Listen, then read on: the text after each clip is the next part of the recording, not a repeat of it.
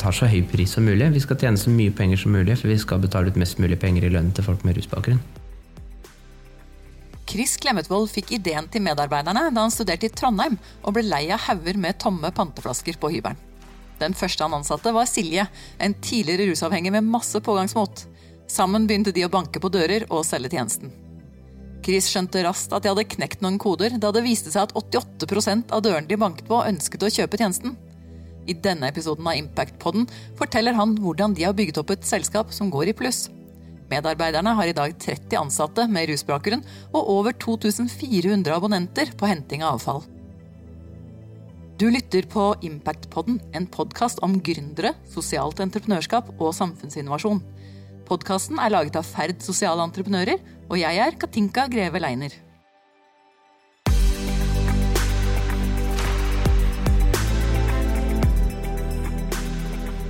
Velkommen til oss, Chris. Tusen takk. På medarbeidernes nettside så står det med store bokstaver 'Et snilt lite selskap'. Men hva selger dere egentlig? Det vi i hovedsak selger, er litt enklere kildesortering for private husstander i Oslo og omegn. Eh, hvor vi henter glass- og metallemballasje og pant og småelektronikk og tekstiler og den slags på trappa en gang i måneden. Det er jo et greit produkt. Hva er det som gjør deg til en sosial entreprenør, egentlig? Det er at både de som selger og leverer den tjenesten, det er eh, folk som har slutta med rus og ikke vil nave, men heller vil jobbe og har helt vanlig, ordinær jobb hos oss. Hvordan kom du på den tanken, å koble de to tingene?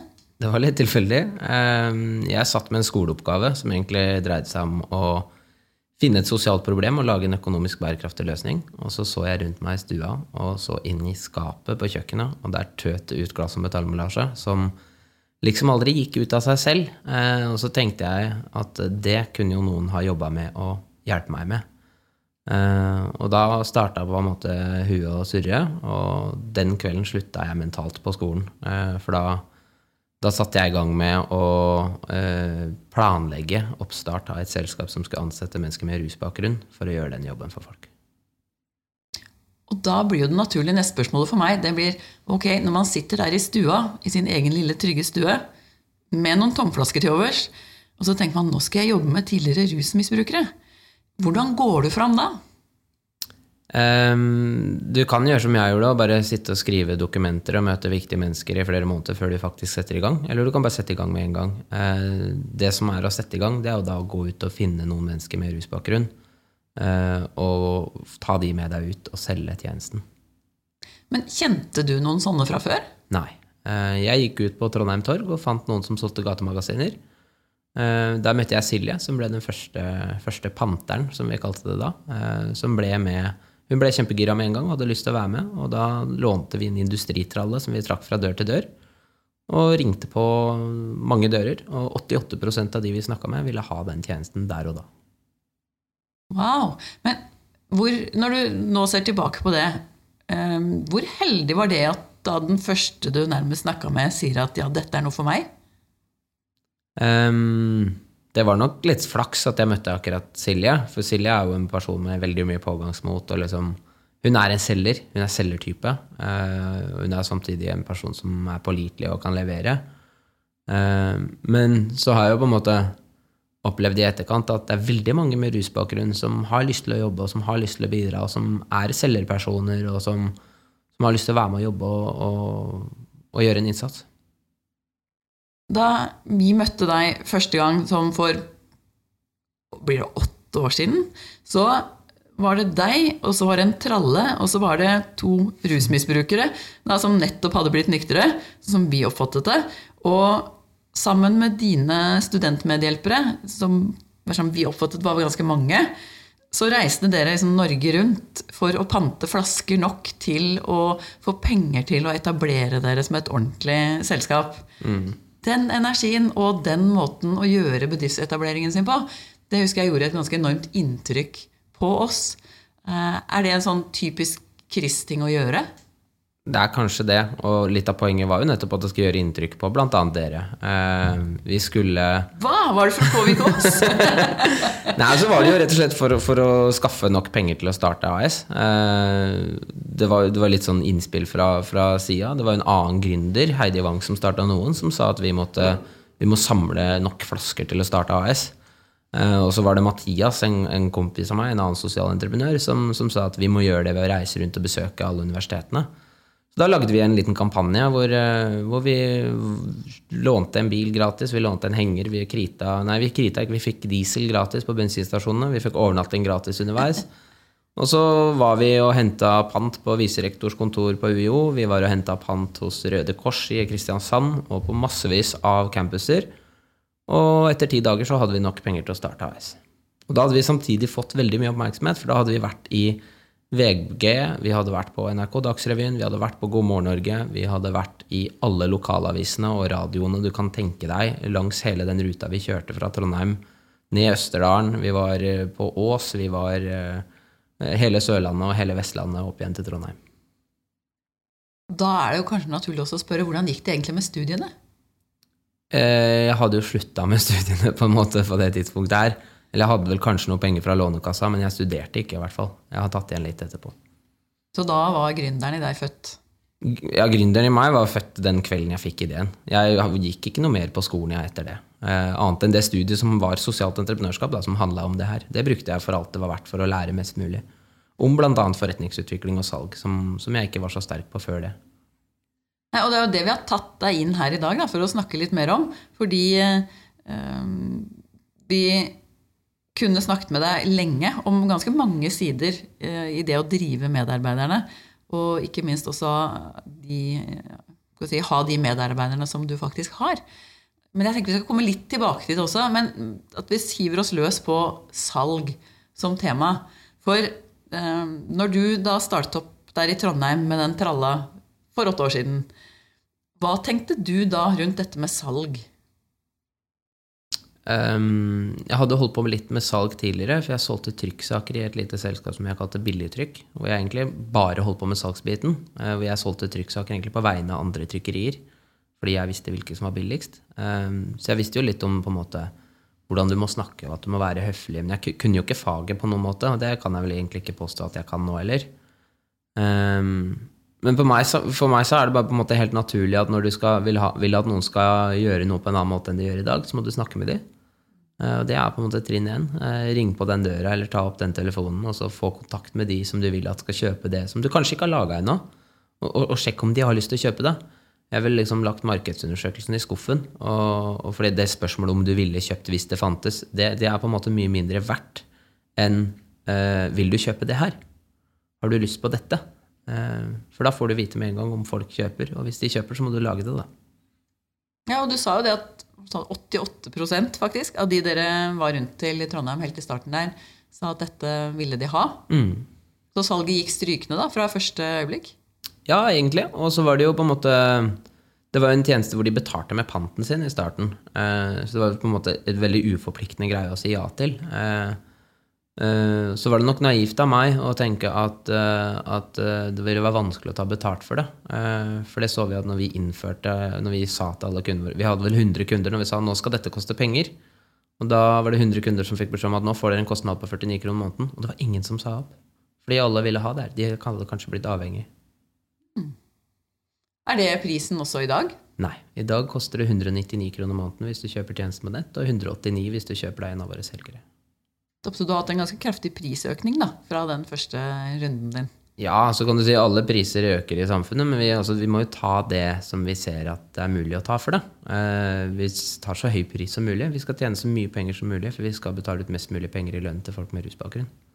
Men det er klart, vi, vi, trenger å ha den prisen for å, for å, drifte biler og lønne mennesker og betale regnskapsfører og revisor. Og vi er en helt vanlig bedrift som har helt vanlige bedriftskostnader. Og de dekkes nå inn av det kunden betaler. Hvor mange har dere blitt i dag? I dag har vi 2223 abonnenter. Og hvor mange ansatte trenger du for det?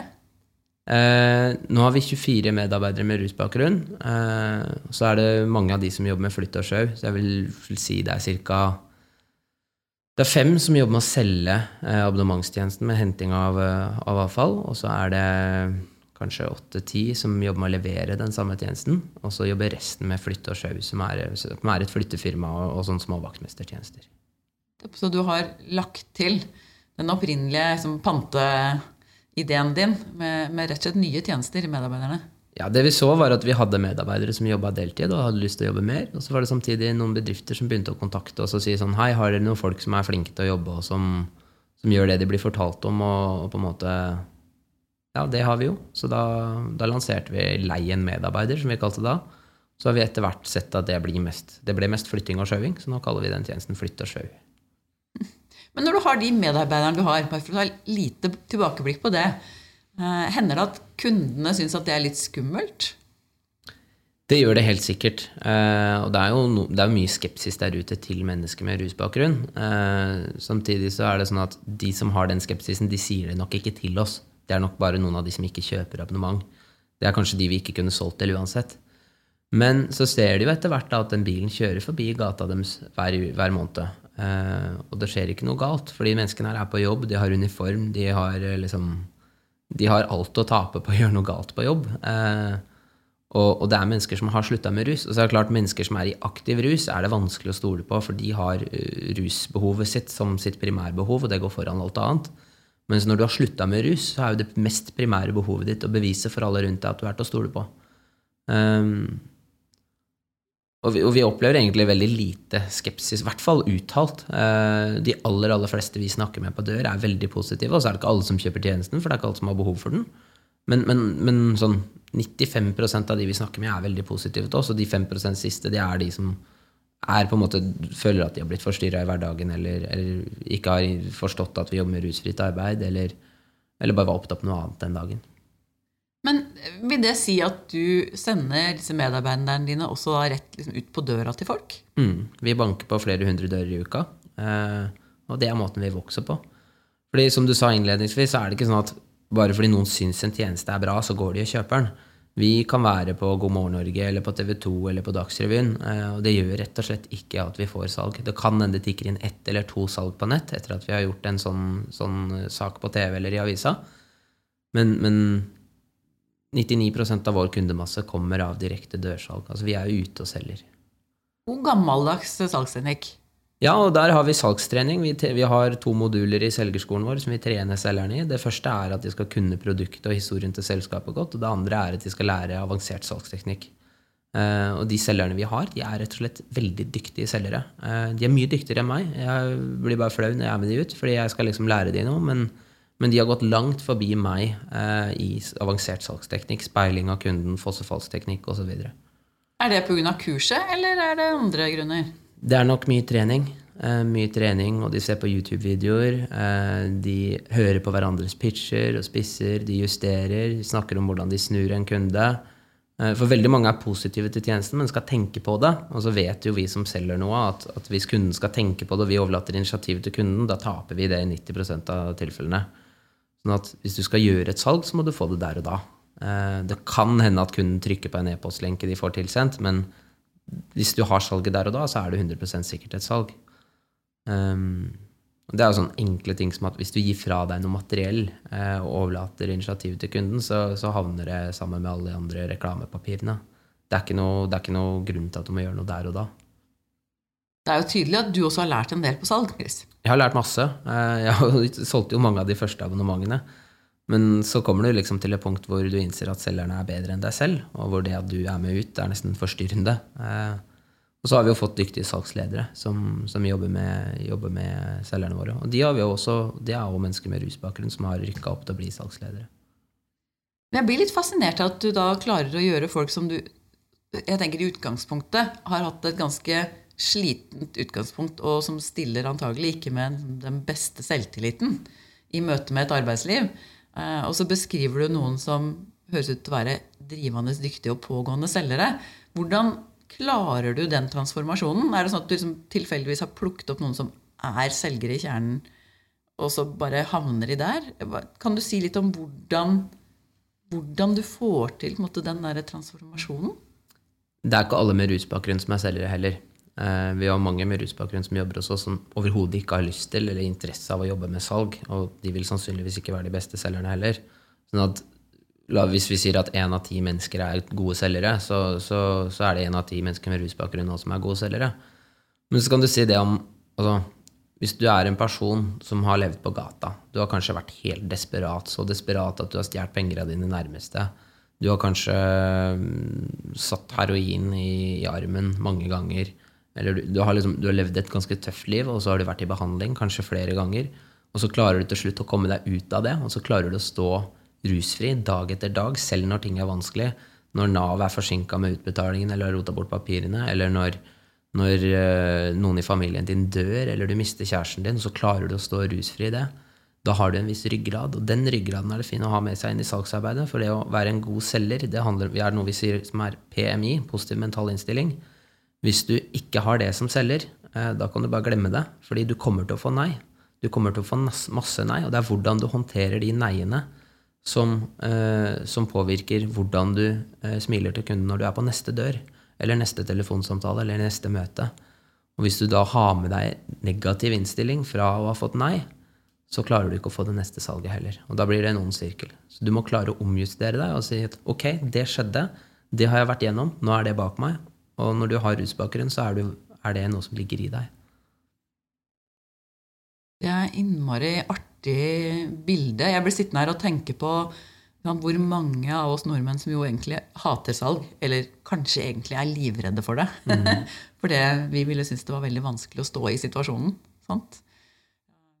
Og jeg blir jo fristet til å spørre deg da, når den døra går i ansiktet på dine selgere for liksom femte og sjette gang, hva gjør de da? Klarer de liksom bare å skru på smilet igjen og ta neste dør? Eller hva gjør dere da, hvis, hvis det er en litt tung dag? Um, selgerne hadde en tung dag i går kveld. Jeg får en videorapport fra det hver kveld når de er ferdig med å selge. Uh, altså, tung dag og tung dag. De gjorde tolvsalg, som er veldig bra sånn historisk. Uh, men det var en dårlig dag for de, fordi de er vant til å få mye mer, fordi de er så dyktige. Men, uh, men det er jo da det, det, som er viktigste da, er at de står samla om det resultatet de har fått til. Uh, så er det klart, Vi får få dører smelt i trynet. Eh, når det står rusfritt arbeid på vesten din, så er de fleste litt nysgjerrige og lurer på hva det er. Så det at man har rusbakgrunn og jobber for et rusfritt selskap, legitimerer at vi er der. Og så må vi presentere den praktiske nytten i tjenesten for at de skal kjøpe abonnementet.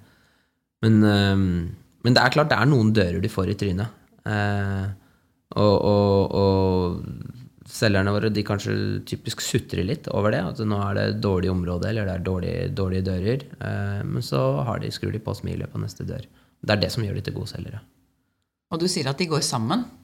Eh, de går ikke sammen hele tida. De går eh, noen ganger to og to, noen ganger én og én. Men så samles de til slutt når de rapporterer. Og de, de, er sammen om det. De er et team. Og de backer hverandre.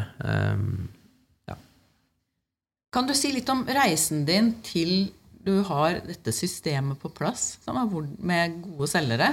Hvordan har de foregående årene vært? Liksom, hva har du fått på plass for at det faktisk skal være mulig å gjøre det dere nå gjør?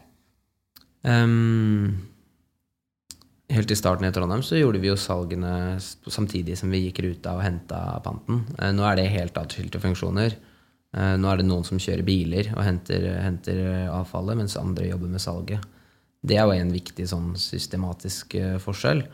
Uh, så når vi hadde Lise Arvesen som salgscoach uh, for Det er vel ett og et halvt år siden vi begynte å bruke henne, litt mer. det første hun gjorde da, var å få mer system og struktur på salgsprosessen vår. vi tredobla antallet kvelder vi var ute, sånn at selgerne fikk faktisk trening som på en måte satt litt bedre. Så istedenfor å jobbe med salg én dag i uka, så jobba vi med salg tre dager i uka. Og da tredobla vi ikke bare resultatet, det ble mangedobla. Fordi eh, du tredobler selvfølgelig når du, når du, tredobler tida du bruker på det, men så får du da mer trening. Um, så har vi gått over fra å bruke papir til å bruke et verktøy som heter SalesRabbit, som er en applikasjon som alle selgerne har på telefonen sin, hvor de har oversikt over hvor de har vært, og hva som har skjedd på hver enkelt dør. At jeg kan gå inn og se mange tusen pins på kartet over Oslo-området og se akkurat hvor vi har vært og solgt, og hvor vi ikke har vært og solgt. Da gjør det planlegging av, av nye ruter og nye salg mye lettere. Eh, så snakker jo det systemet nå automatisk med vårt CRM-system, sånn at når et, når et nytt salg legges inn, eller en e-postadresse legges inn, så går det automatisk e-post til de som er potensielle kunder, hvor de kan tegne abonnement med rabattkode fra selgeren, som gjør at selgeren får provisjon. Eh, eller hvis de legger seg inn som abonnenter, så får de automatisk en betalingslenke, sånn at de kan betale abonnementet. Det er mange datasystemer som jobber sammen for å få til det her, og det har bygd seg på litt sånn, litt sånn hva er det man sier når ting bygger seg litt sånn dynamisk opp. Jeg må at jeg, jeg, er jo selvfølgelig kunde. Det, det, er jo en glimrende tjeneste. Mm. jeg var jo litt imponert da jeg etterlyste Har ikke noen vært og hentet liksom, det som står utenfor døra mi? da? Og jeg fikk uh, eh, SMS tilbake på at uh, jo da, de var der klokken det og det, og nå er den tømt. Så var bare jeg som hadde tatt feil av tidspunkt for henting. Mm. Men den oversikten der, den, den, var jo imponerende. Den vekte jo tillit, må jeg si. Så, så, du har systemer sånn at du har full nesten overvåking du, på på hvor dine medarbeidere er, og hva som gjøres i, i hele Oslo? Eh, vi har GPS på bilene, men det er av litt andre grunner. Men jo, det er jo logg på hver enkelt kunde, hvor vi ser all kommunikasjon og alt som har skjedd. Uh, og det var et system som vi har forbedra gang på gang på gang. Og det er bygga på det systemet vi brukte oppe i Trondheim når vi gikk med traller. Det er akkurat samme funksjonaliteten som ligger i bunnen. At kunden får en tekstmelding dager før henting. Men nå er det jo mange andre avanserte funksjoner, og det siste vi har gjort nå, er at kunden kan skrive en melding hvor det står 'medarbeiderne boks'. Så får de oppgradert abonnementet sitt, sånn at det koster 25 kroner mer, og så får de satt ut en boks som de kan sette avfall i, sånn at de slipper å tenke på når vi kommer. Og da gjøres den betalingen og alt automatisk, og så får de en kvittering på e-post. Det er helt tydelig at dere har systematisert dere mye i løpet av de siste årene. Det har vi. Det har vi. Men Kan du si litt om den andre tjenesten også, som går på det å Var det flytt og sjau du kaller den? Flytt og sjau. Um, det er i hovedsak et, et flytteselskap. Uh, hvor du, hvis du skal flytte kontoret fra, herfra f.eks. Opp, til, opp til Majorstua, så kan vi gjøre den jobben. Um, det er en tjeneste som er helt annerledes rigga. Uh, for det er enkeltstående oppdrag. Hvor du henvender deg til oss og spør om vi kan flytte så og så mye derfra til dit, og hvor vi gir deg et prisestimat. Så vil nok mange gi deg en fastpris på det, og det vil nok også kanskje ønske deg, men da må du være klar over at den fastprisen, da har leverandøren tatt i veldig. For de har tatt høyde for alt det som kan oppstå eller skje eh, underveis i den flytteprosessen. Og da betaler du jo mye mer. Eh, så det er en del av salget vårt at vi forklarer kunden eh, som henvender seg til oss, eh, at de sparer penger på det hvis de tar timespris. For våre medarbeidere jobber effektivt. Du kan bare gå på Facebook, så ser du anmeldelser fra i går og dagen før i går osv. Hvor kundene er fornøyde med innsatsen. Um, men denne tjenesten må du selge på en annen måte? Eller tar du den også på døra? Den selges på en helt annen måte. Uh, den selges med at kunden henvender seg til oss. Og det kan du jo tenke at det er et passivt salg. Men så har vi jo lagt grunnlaget for det når vi har 2200 abonnenter som vi har kommunisert til at vi gjør det her. Så det er jo ikke det bare de 2200, for de snakker om det når de spiser middag med vennene sine, og de snakker om det på jobb. Så det er jo kanskje sånn at altså Det er fryktelig mange mennesker i Oslo nå som vet om at vi er et flyttefirma. Og det at vi er et flyttefirma som bare ansetter folk med rusbakgrunn, gjør at folk har oss litt lenger fram i bevisstheten enn eh, et annet flyttefirma som man kanskje bare kjenner fordi man setter en logo på en bil. Eh, og at det kanskje da er eh, lettere å ta kontakt med oss. Jeg ser jo av og til at folk har spurt på Facebook sånn Er det noen som vet om et bra flyttefirma? Og så er det noen som har anbefalt medarbeiderne. Um, og der, der, ligger jo mye av salget i at vi leverer bra når vi leverer hos en kunde, og at vi yter god kundeservice.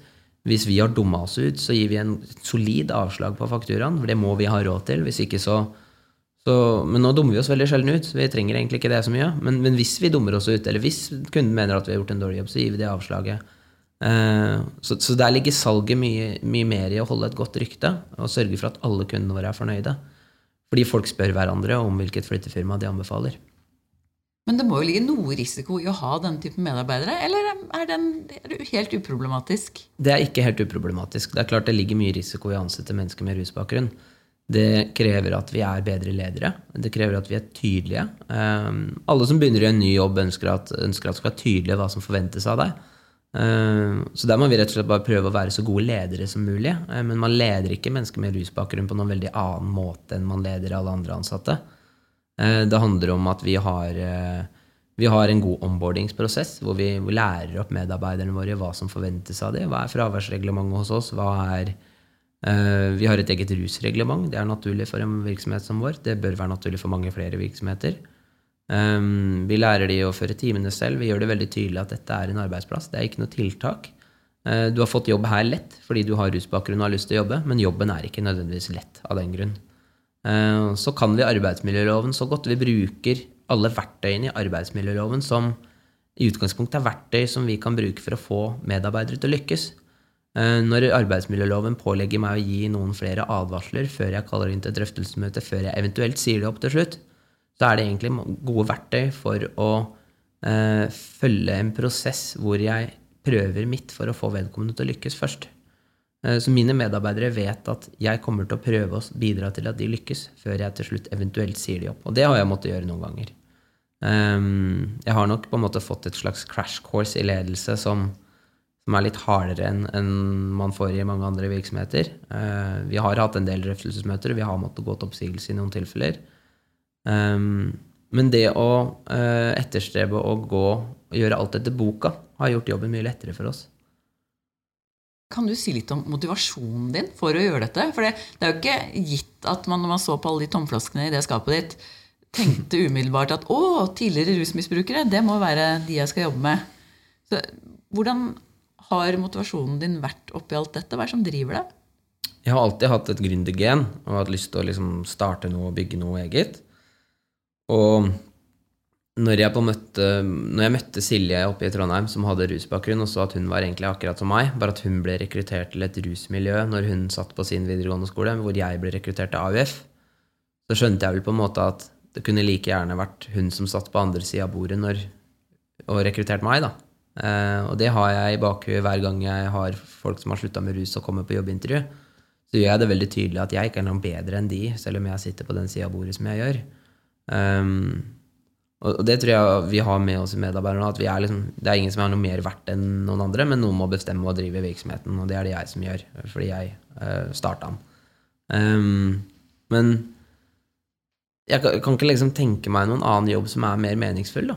Ehm, så er det klart, det er jo noen, noen ganger hvor det er slitsomt. Eh, hvor liksom når du har jobba veldig mange timer og lurer på hvorfor du ikke bare er konsulent isteden og forteller folk hva de skal gjøre, istedenfor å måtte gjøre det sjøl. Men, men det å være konsulent ville ikke gitt meg så gode kolleger som jeg har i dag. Det, det gir så mye tilbake da, eh, når du ser at folk eh, vokser på å få en arbeidskontrakt, og så vokser de enda mer når de er ute og mestrer jobben. Um, og du skaper en arbeidsplass som ellers ikke ville vært der. Så jeg, jeg gjør det fordi ingen andre gjør det. på en måte. Mm. Jeg, jeg, har jo fått være oppe og besøke dere, og det er ikke vanskelig når du møter medarbeiderne dine, å se at de stråler, og at de trives innmari godt. Og mange av oss kunne sikkert være misunnelige for den saks på den energien som de iblant har når de snakker om jobben sin. Kan du fortelle oss litt, om hva, litt, litt mer om hva det betyr for dem? Og hva slags reiser du har sett sånn, blant dine ansatte? Når du tar inn folk som ikke er vant til å jobbe, og hva skjer med dem da? Mm. Da må jeg nevne Yvonne, eh, som eh, kom til oss og ikke hadde hatt en jobb noen gang, egentlig, og har levd i rus i 28 år. Eh, som kom da med en person fra en sånn bedrift som jobber på vegne av Nav, eh, som var litt skeptisk. Yvonne fikk sjåførjobb hos oss. Jeg var med henne ut og kjørte. Um, så hun fikk prøvejobbe, og så fikk hun en 16 %-stilling. Uh, hun har nå siden januar uh, Det har gått ett og et halvt år. Hun har nå siden januar hatt en 100 %-stilling som sjåfør og med kvalitets- og opplæringsansvar på sin avdeling. Hun kjører uh, stor bil bedre enn meg og um, er en solstråle av en kollega. Um, hun kom til meg her i vinter, eh, og da hadde hun overnatta hos sønnen sin. Sånn at hun eh, hadde parkert bilen der mange andre parkerer bilen sin, i motsetning til der hun bor, hvor hun er helt alene. Og da hadde hun gått ut om morgenen og skrapa is av frontruta. Så hadde hun begynt å grine, for hun så andre som skrapte is av frontruta. Eh, og da skjønte hun på en måte at nå er jeg en del av et fellesskap som, som skal et sted, hvor noen betaler oss for at vi skal dit, fordi vi er så viktige. Um, alle de som skraper is av frontruta om morgenen og syns det er litt kjedelig, kan tenke at de er en del av et fellesskap som betaler skatt og bidrar til fellesskapet, og er så viktig at noen betaler deg for å stå opp om morgenen. Um, det, så kom hun på kontoret og fortalte det til meg, og da begynte jeg å grine. Uh, og det er på en måte en sånn Og det er bare ett av mange sånne bilder vi får på hvor viktig det er for, uh, for de som får en jobb og får muligheten til å bidra. Det er fantastisk Chris, at du bidrar på den måten. Det må jeg si. Du har en veldig tydelig vi kaller det dobbel bunnlinje. Du teller jo også. Hvor mange er det som nå jobber hos deg, eventuelt ikke jobber hos deg? Er, det, er planen din å få dem videre til andre jobber? Hvordan, hva er veien videre fra deg? I utgangspunktet når man ansetter noen, så er jo det en permanent sak i Norge. Eh, sånn at når noen er ansatt hos meg, så skal de vite at eh, jeg kommer ikke til å pushe de videre noe sted så lenge de gjør jobben sin. Um, så er det klart noen vil videre. Noen uh, vokser. Uh, noen får mer selvtillit. Noen utvikler mer kompetanse, og noen, noen går videre til andre jobber. Um, ikke veldig mange har gjort det. Uh, det er jo noen som har sagt at de vil være hos medarbeiderne til de dør. det, det, tar jeg som et tegn på at vi gjør det ganske greit. Um, og det er jo sånn som Svein, for eksempel, som begynte hos oss for nå er det vel tre år siden, tror jeg. Han sa opp jobben sin i desember for å begynne 100% stilling i Oslo kommune. Men så kom han til meg og sa at du, jeg vil ikke slutte helt allikevel, så han har beholdt en 20 %-stilling hvor han jobber mandag kveld. For han vil aldri slutte hos oss. Um, uh, er du der nå at uh, selskapet deres uh, står solid? Sånn, har du nå også både økonomi i tillegg til disse sosiale effektene i selskapet ditt? Vi leverte overskudd i april.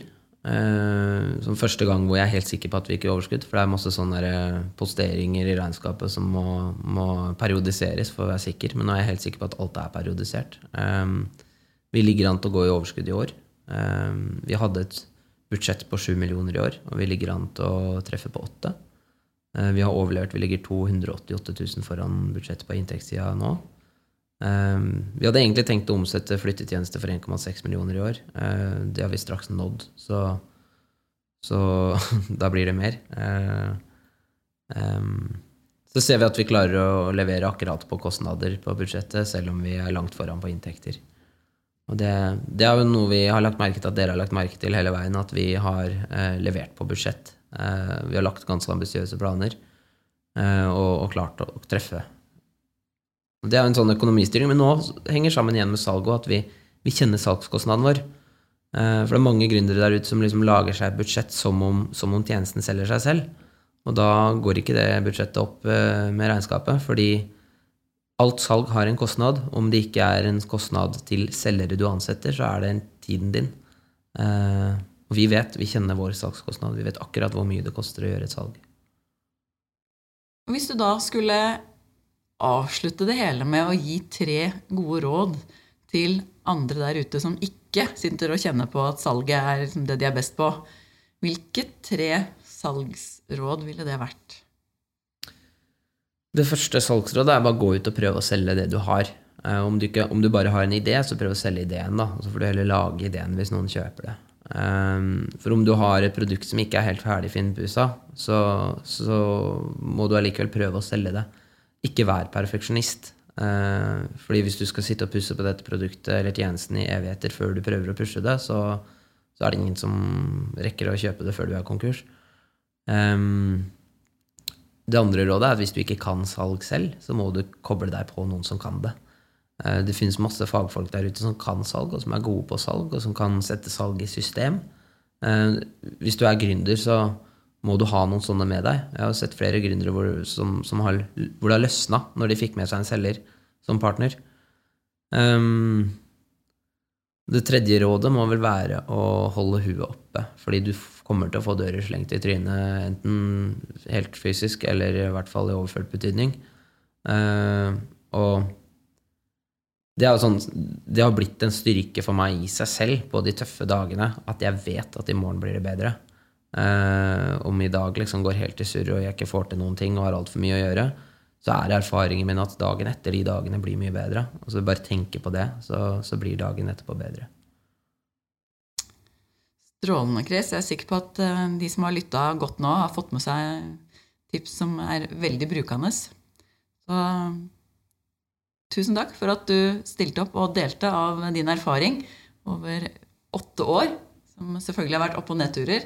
Men eh, jeg må jo si at det er eh, morsomt å sitte og se på hva medarbeiderne er der ute i markedet i dag. Tusen takk for at jeg fikk komme. Du lytter på Impactpodden, en podkast om gründere, sosialt entreprenørskap og samfunnsinnovasjon.